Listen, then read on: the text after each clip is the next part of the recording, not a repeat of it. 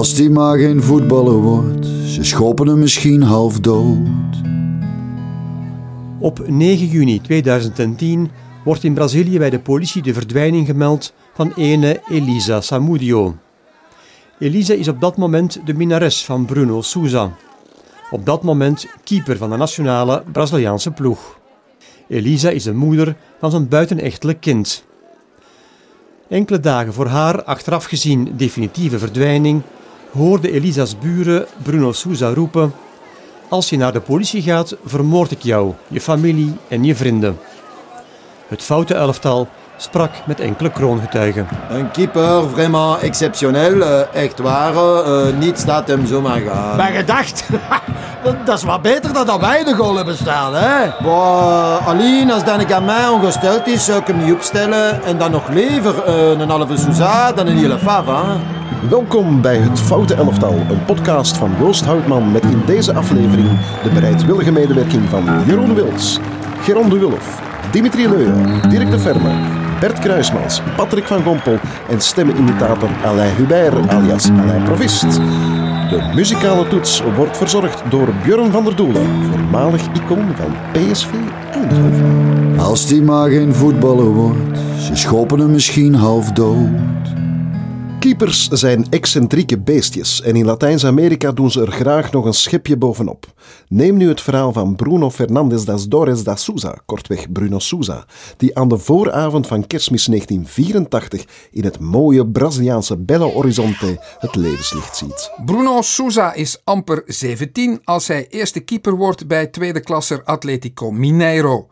In 2006 komt topclub Corinthians bij hem aankloppen. Ze zwaaien met maar liefst 2 miljoen euro richting het bestuur. Het wordt echter een teleurstellend seizoen bij Corinthians. Maar niet getreurd, want een andere topclub, Flamengo, ziet wel wat in Bruno Souza. Souza schittert bij Flamenga, de Rubro Negro, de club die sterren als Socrates en Romario heeft voorgebracht. Ja, die heeft dan echt een konijnenpoot op zak, want hij ziet in zijn eerste trainingsweek al meteen de eerste keeper uitvallen. 134 wedstrijden volgen. Bruno scoort daarbij één keer vanaf de stip en zelfs drie keer uit een vrije trap.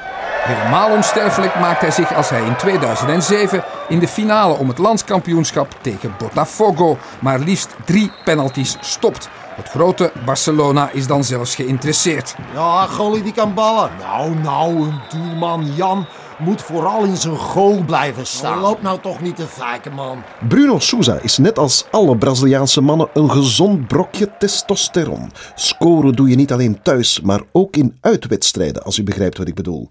Terwijl moeder de vrouw op de kindjes past, mondt een feestje bij een van zijn ploeggenoten uit in een orgie. Er valt die avond dan ook wat te vieren. Bruno Souza heeft immers in juli 2009 net zijn honderdste duel voor Flamengo gespeeld.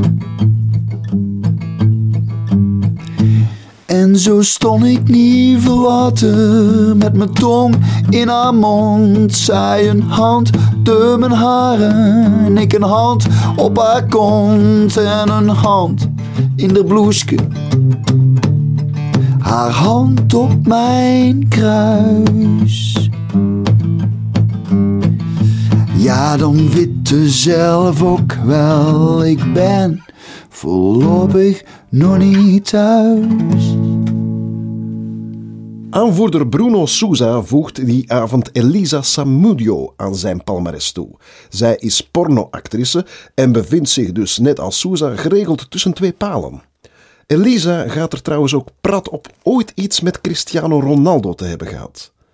Elisa en Bruno Souza, het is de start van een stormachtige affaire.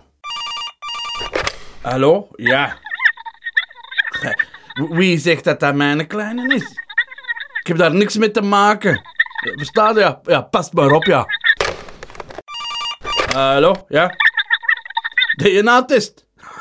Dat zie je van hier. Hallo? Ja? Ja, nu is het genoeg. Hallo? Politiezone Flamengo Rio? Wat kan ik voor u betekenen? Dan denk ik, mevrouw, dat het het beste is dat u hier ten kantore aangifte komt doen van slagen en verwondingen. Ja, hier ten kantore, ja. Zeg, Joao, Ik heb iets goed in de krant, denk ik. Bruno Souza. Ja, ja die loser van Flamengo. Ja, ja, ja, ja, ja, ja, ja, ja, die loser, ja. Zeg, ja, die, ja, ja, Joao. Ja, zeg, Joao, moet ik nog weten? Ah, ja, wel, die, ja, nee, ja, die, ja, ja, wel, ja, ja, ja. Laat maar zitten. Elisa verklaart aan de politie dat hij haar in elkaar heeft getimmerd en gedwongen heeft om pillen te slikken. Pillen die een abortus zouden moeten opwekken. Dat mislukt. Elisa zet in maart 2010 een zoontje op de wereld. Bruno Souza wil echter niet voor de opvoeding opdraaien. Hij heeft thuis al twee opdondertjes rondlopen. Maar Elisa? Nee, die geeft niet op. Hallo? Politiezone Flamengo Rio? Wat kan ik voor u betekenen? Ah, dan denk ik mevrouw dat het beste is dat u hier ten kantore aangifte komt doen van de verdwijning van uw dochter. Ja, hier ten kantore. Zeg, Joao, ik heb iets goed voor in de krant. Weet je nog die, die, die bimbo van Bruno Souza? Ja, ja, die loser van Flamengo. Die is verdwenen. Dat is een ontrustwekkende verdwijning. hè? Jo, Joao? Joao? Je moet gewoon kijken, zeg. Op 9 juni 2010 wordt bij de politie inderdaad de verdwijning gemeld van Elisa Samudio. Waar is de meisje? Waar is de meisje? Waar is de meisje? We willen weten waar de meisje is. Twee dagen daarvoor had Bruno Souza zijn Elisa nog opgezocht om voor eens en altijd een regeling te treffen over de kleine. Buren hebben hem daarbij horen roepen. Als ga naar de politie gaan vermoorden, uw familie en uw vrienden. Bij het verlaten van het appartement van Elisa droeg Bruno Souza daarboven zichtbaar een revolver. En dan schakelen we nu rechtstreeks over naar onze man ter plaatse, de parel aan de Kempense kroon, Patrick van Gompel. We staan hier aan de villa van Bruno Souza, de bekende keeper van Flamengo. Zo net is zijn vrouw weggeleid door de politie en, opmerkelijk, ook een baby. Dat is inderdaad opmerkelijk, want volgens onze informatie zouden de twee kinderen van Bruno Souza vijf en zes jaar oud zijn. Dit was Patrick van Gompel voor het Foute Elftal. De baby blijkt inderdaad een buitenechtelijke baby van Bruno Souza te zijn. Die geeft echter niet thuis. Journalisten schieten in overdrive. Waar is Bruno Souza? En wat heeft hij te maken met de verdwijning van zijn minares? Tot opeens. Hier ze. Wie we daar hebben. De keeper met de losse handjes. Wat is het? Komt u zelf aangeven? Nee, nee, nee. Ik word blijkbaar gezocht. Maar ik heb heel die affaire niks, nothing, nada te maken. I did not have sexual dinges with that woman. These uh, things. Ik heb trouwens eh, een alibi. Ha! Mhm. Eh, alibi. Ja. Ja. Dat alibi blijkt echter makkelijk te doorprikken. Het is uiteindelijk Bruno Souza's 17-jarig neefje die tijdens een verhoor tot bekentenissen overgaat. Ze hebben in oplopende volgorde Elisa verkracht, gefolterd en uiteindelijk gewurgd. Elisa's lijk werd vervolgens in stukken versneden en aan de honden gevoerd. Wat overbleef werd in beton weggewerkt. Opgeruimd staat netjes. Het Hof veroordeelt u, Bruno Fernandez das Dores de Souza, voor ontvoering, moord, het verbergen van een lijk, het vormen van een criminele organisatie, het aanzetten van minderjarigen tot een misdrijf. Ik veroordeel u tot levenslange opsluiting en het bekijken van alle afleveringen van Temptation Island. I hear the train a coming, it's rolling round the bench. And I ain't seen the sunshine since I don't know when. Well, I'm stuck in Folsom Prison, and time keeps dragging on. But that train keeps rolling on down to San Antonio. Bruno Souza blijkt niet de enige foute keeper te zijn die Latijns-Amerika rijk is. Denk maar aan René Iguita of... Zelf vind ik het verhaal van Roberto Rojas ook niet mis. We gaan terug naar 3 september 1989. Chili wil zich kwalificeren voor het WK. Makkelijker gezegd dan gedaan. Zeker als de tegenstander Brazilië is. Roberto Rojas, alias de Condor, weet hoe goed de Brazilianen zijn, want hij verdedigt immers al twee jaar de kleuren van Sao Paulo FC. Sao Paulo is de club die de voetbalwereld Cafu, Leonardo Kaká, heeft geschonken en op een blauwe maandag zelfs nog door de tuveneer Raymond Goethals werd getraind. Uh, 1980, uh, toen was ik daar de directeur techniek. Nou, niet dat ik die mannen techniek heb moeten aanleren. Eerder tik-tak tactiek, hè? Roberto Rojas speelde voor hij naar Brazilië trok twee keer kampioen in zijn thuisland Chili met Colo-Colo. Een meer dan degelijke keeper kortom. Op die 3 november 1989 neemt Chili het in het roemrijke Maracanã-stadion op tegen thuisploeg Brazilië. Als ze verliezen, kan Chili niet naar het WK. Rojas kan de openingstreffer van Brazilië echter niet vermijden. Brazilië heeft immers een topploeg, zoals altijd. De Braziliaanse supporters steken het ene vuurwerk na het andere af.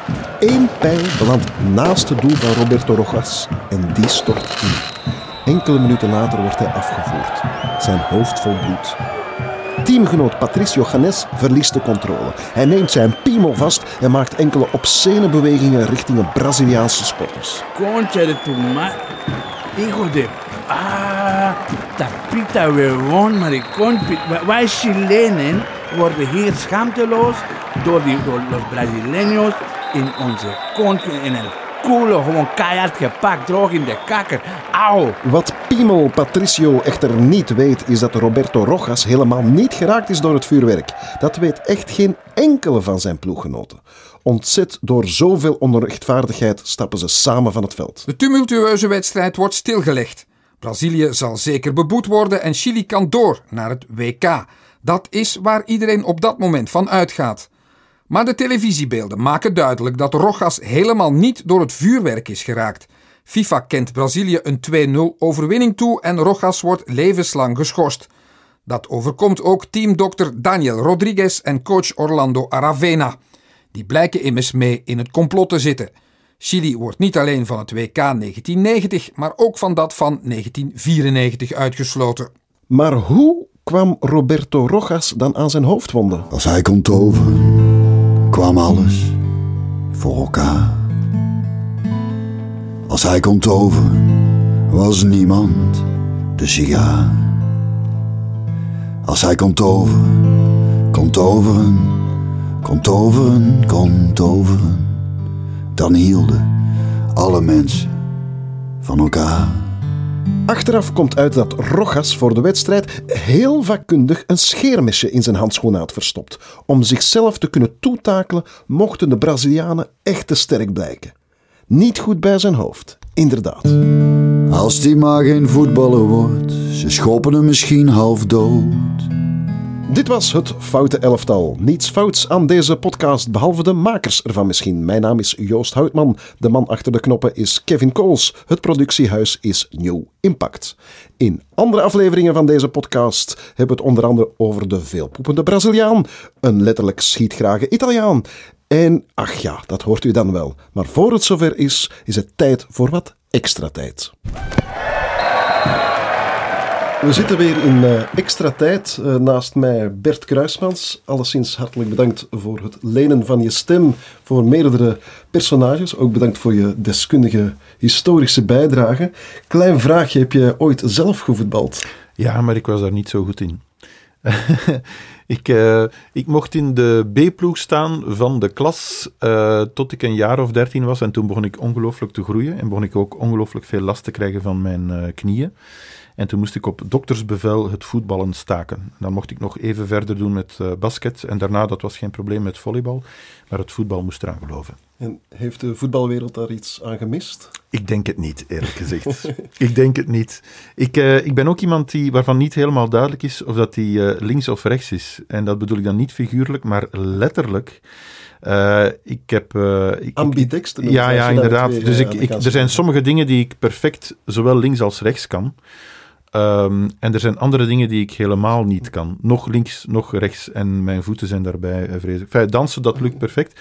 Maar, uh, maar, maar voetballen is daar één van. En in de, lessen, in, in de lessen lichamelijke opvoeding was ik de grote wanhoop van de, van de leraar sport. Omdat ik... Uh, Ook het grootste project dan. Ja, ja, ja. Omdat ik... ik, ik moet zelf even nadenken. Hè. Ik basketbal rechts, ik voetbal rechts, ik volleybal links en ik handbal links. En u draagt hem links en rechts? Ik, ik, ik, uh, ik draag mijn lot. Goed. Uh, ooit uh, voetbalsupporter geweest van een, van een bepaalde ploeg? Of, of, of van thuis uit dat het... drie weken, denk ik, omdat Nico de Bree bij ons in, in het dorp woonde. was ik drie weken supporter van Anderlecht. En waarom drie weken?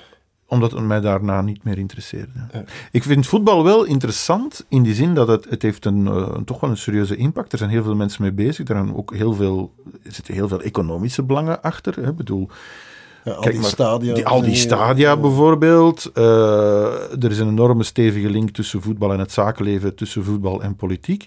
Dus zelfs als dat spelletje je niet zo boeit, dan vind ik dat voetbal wel... Uh, dat je daar wel mee moet bezig zijn, omdat dat heel veel, heel veel uh, ja, in, impact heeft. Ja. Wij gingen nog niet zo heel lang geleden samen eens naar Nederland, waar ja, wij ja, uitgenodigd werden in een uh, radio-uitzending uh, bij de match België. Het was de, de openingsmatch van de Belgen in Rio, als ik me nog goed herinner. België tegen of Tunesië of Algerije. Ja, Algerije, Algerije, ja, ja, ja, inderdaad. Ik zat daar omdat ik een boek had gemaakt waarin ik het WK had voorspeld op voorhand. Jij zat daar om een uh, ander boek. Ja, ik denk dat ik daar vooral zat omdat ze geen andere Belg vonden die die match in Nederland wou, uh, wou bekijken. Alle andere, deze Belgen, andere, ja, andere Belgen bleven in België. Mm. Maar inderdaad, ik had toen... Um, enfin, ik heb toen twee dingen gedaan. Ik had een, een theatervoorstelling gemaakt waar ik een... Uh, uh, waar ik het had over de Rode Duivels. Ik heb ook een boek geschreven over België en Nederland, het Verenigd Koninkrijk der Nederlanden, waarbij het in mijn fantasie uh, nog altijd bestaat. En ja, dat heeft dan ook zijn gevolgen dus Willem-Alexander uh, getrouwd was met, uh, met Maxima. In, in met Mathilde. Ah, met, Mathilde. Met, Mathilde. De werkelijkheid ja, is, getrouwd ja, met, is hij getrouwd met Maxima. Ja, sorry. Uh, ja, in, inderdaad, dat heet tegenfeitelijke geschiedenis. Dus je gaat één dingetje veranderen in het verleden en dan ga je zien wat de gevolgen zijn. het is een genre een dat... historische wat als. Ja, ja, en het is een genre dat in het buitenland au serieus wordt genomen door historici, maar wat in België nog in Franstalig nog, in Nederlandstalig België, uh, al veel gebeurd. Er zijn een paar boeken verschenen, maar, maar is jouw job ook niet om niet serieus genomen te worden? Als uh, ja, ja, ja. Maar ik worstel daar een beetje mee, in die zin dat uh, ik doe heel dat veel verschillende dingen. Niet, Men neemt mij nergens ernstig. nee, maar het nadeel is, ik doe heel veel verschillende dingen. En de mensen kennen mij vooral van comedy. Maar daarnaast doe ik nog andere dingen. En dan, dan, dan merk je uh, dat mensen denken dat alles wat ik doe humor is. En ik geef bijvoorbeeld met dat boek over het Verenigd Koninkrijk geef ik lezingen. En dan zijn er achteraf mensen die zeggen van, ja, maar het was niet grappig. Ja, oké, goed, maar daar ging het ook niet over. Uh, ik denk als Goede uh, nu ergens komt spreken, dat mensen niet verwachten dat ze nog steeds komt paraderen uh, met haar kroontje van Miss België op en in een badpak. Ik bedoel, dat is iets wat zij gedaan heeft, maar zij doet ook nog andere dingen. Maar mensen steken je graag in één vakje. Ik Mhm. denk als morgen Eddie Merckx uh, met een fantastische roman uitkomt, dan zegt iedereen van dat heeft hij zelf niet geschreven. Terwijl dat misschien uh, Eddie Merckx in het diepst van zijn gedachten een fantastische schrijver is. Wij weten dat niet. En dat is een beetje waar ik uh, mee worstel, dat dat al die dingen die ik ook nog doe, dat vooral in de media, dat er weinig belangstelling voor is, omdat ik dan buiten het vakje treed. Ja, en uh, heb je nog nieuwe plannen uh, in, in, in, die, in die reeks tegen, tegen feitelijke geschiedenis? Heb je daar nog... Ik heb daar wel ideeën, ja, ik heb daar eerlijk gezegd wel ideeën over. Ik heb nu vorig jaar een ander boek geschreven, De Blote Belg, Le Belge tout nu, want het is ook in het Frans verschenen, waarbij ik mij baseer op statistieken en cijfers over België om daar dan mijn bedenkingen bij te geven. Het is als een soort dam ook een beetje een antwoord op, op fake news. Ja. Uh, omdat er heel veel dingen circuleren, ook over dit land, die niet kloppen. Dus ik dacht van laat ik dat maar eens even opzoeken. En allemaal en, rechtzetten dan. En, en rechtzetten, of, of daar soms, soms blijkt dat het ook wel klopt, maar dan kan ik er ook leuke kanttekeningen uh, bij maken. Uh, maar in die tegenfeitelijke geschiedenis wil ik eigenlijk zeker nog wel verder gaan. Ik heb daar nog wel een, een paar ideeën over, want het, het, leuke aan tegenfeitelijke geschiedenis is, dat is een beetje het labo waar je dingen kan veranderen. Hè. Je denkt, een historicus moet nu eenmaal werken met de feiten zoals ze uit het verleden tot ons komen. Maar je moet dat zien als een labo waarbij je zegt van ik ga een beetje minder zout toevoegen of ik ga die vlam een beetje hoger zetten. En wat gebeurt er dan? Ik zeg altijd, mijn, uh, mijn, mijn leidraad daarin is uh, back to the future. Dat is tegen feitelijke geschiedenis. Ja. Namelijk, Die dan ook eh, nog eens af en toe bleek te kloppen. Hè? Er zijn ja, ja, ja. die echt zijn uitgekomen. Ja, ja, het is dat. En dat maakt het net zo interessant. Dat je, en dat is misschien ook de reden waarom dat ernstige historici in België dat niet aandurven, omdat ze zeggen van, eh oei, oei, oei, eh, wat gaan mijn collega's er wel van denken als ik zo met de geschiedenis begin te rammelen, zal ik maar zeggen. Maar goed, ik ben... ik ben geen ernstige stier. Ja, bedoel, ik, ben, eh, ik heb geen academische Nee, maar- reputatie te verdedigen, dus ik, ik mag dat wel doen. Maar eigenlijk zou je perfect kunnen zeggen dat tegen feitelijke geschiedenis goed fout is. Ja, dat is het een beetje. En ik zeg altijd, kijk, als je tegen feitelijke geschiedenis, dat is zoals bij de Rode Duivels, als je wil weten wat eh Compagnie waard is voor de Rode Duivels, dat weet je alleen maar als hij niet meespeelt. Dus de laatste jaren weten we het wel, wat hij waard is. Oké, op deze vrolijke noot eh, sluiten we af. Dankjewel Bert. Graag gedaan.